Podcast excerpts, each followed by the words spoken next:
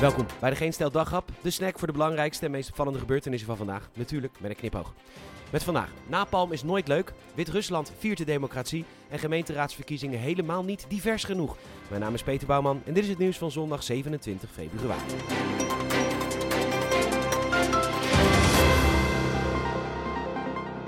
Er komt steeds meer informatie naar buiten dat Rusland een behoorlijke kluif heeft aan het Oekraïense leger. Weinig bevestiging, veel geruchten, maar onder andere over het gebrek aan diesel aan Russische kant. Dat Russische soldaten dachten dat het om een oefening zou gaan en dat er veel te weinig eten is. Ze zouden Kharkov zijn binnengevallen en alweer zijn verdreven. En dan wordt het eng, want hoewel het David tegen Goliath element natuurlijk erg spannend is voor de legale oorlogssupporters, Poetin kan een verlies zich niet permitteren. De Telegraaf laat weten dat de eerste napalmraketlanceerders gesignaleerd zijn. Gegeven om kernwapens. Gelukkig komen er nu binnen dat er onderhandelingen om gang komen. Oh mijn god, ik mis Hugo de Jonge met persconferentie. Ik mis de bellen bij Posthuis. Denk het aan.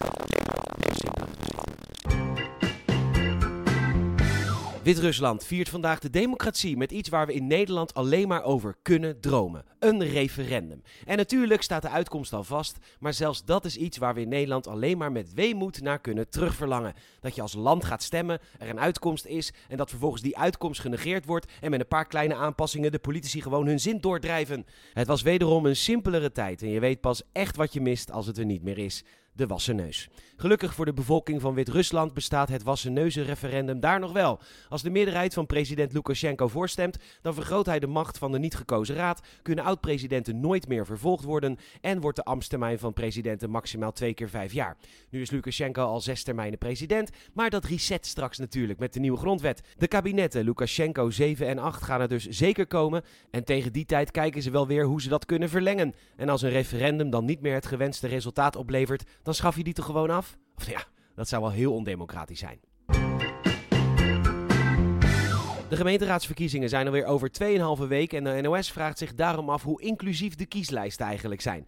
Nou, het antwoord laat zich raden. U heet massaal Jan of Peter of Hans of Henk. 1377 kandidaten heten Jan en daarmee zijn zeven vinkers natuurlijk oververtegenwoordigd in de lokale politiek. De eerste vrouwen staan pas op plek 54 en 57, waarbij de meeste vrouwelijke kandidaten Karin heten. In Amerika worden Karens vaak omschreven als vrouwen die bij de minste of geringste klacht de manager willen spreken. Hallo, mijn Amandel latte macchiato met extra schuim, minder vet en toegevoegde karne is 5 graden te warm. Wij stellen voor dat er een vrouwen, homo, niet-westers, overgewicht, trans, non-binair, extra-binair, hoogsensitief, hoog op het spectrum, laag opgeleid, kankerpatiënt, Friestalig syndroom van Down-quotum komt. Want dit kan natuurlijk niet meer.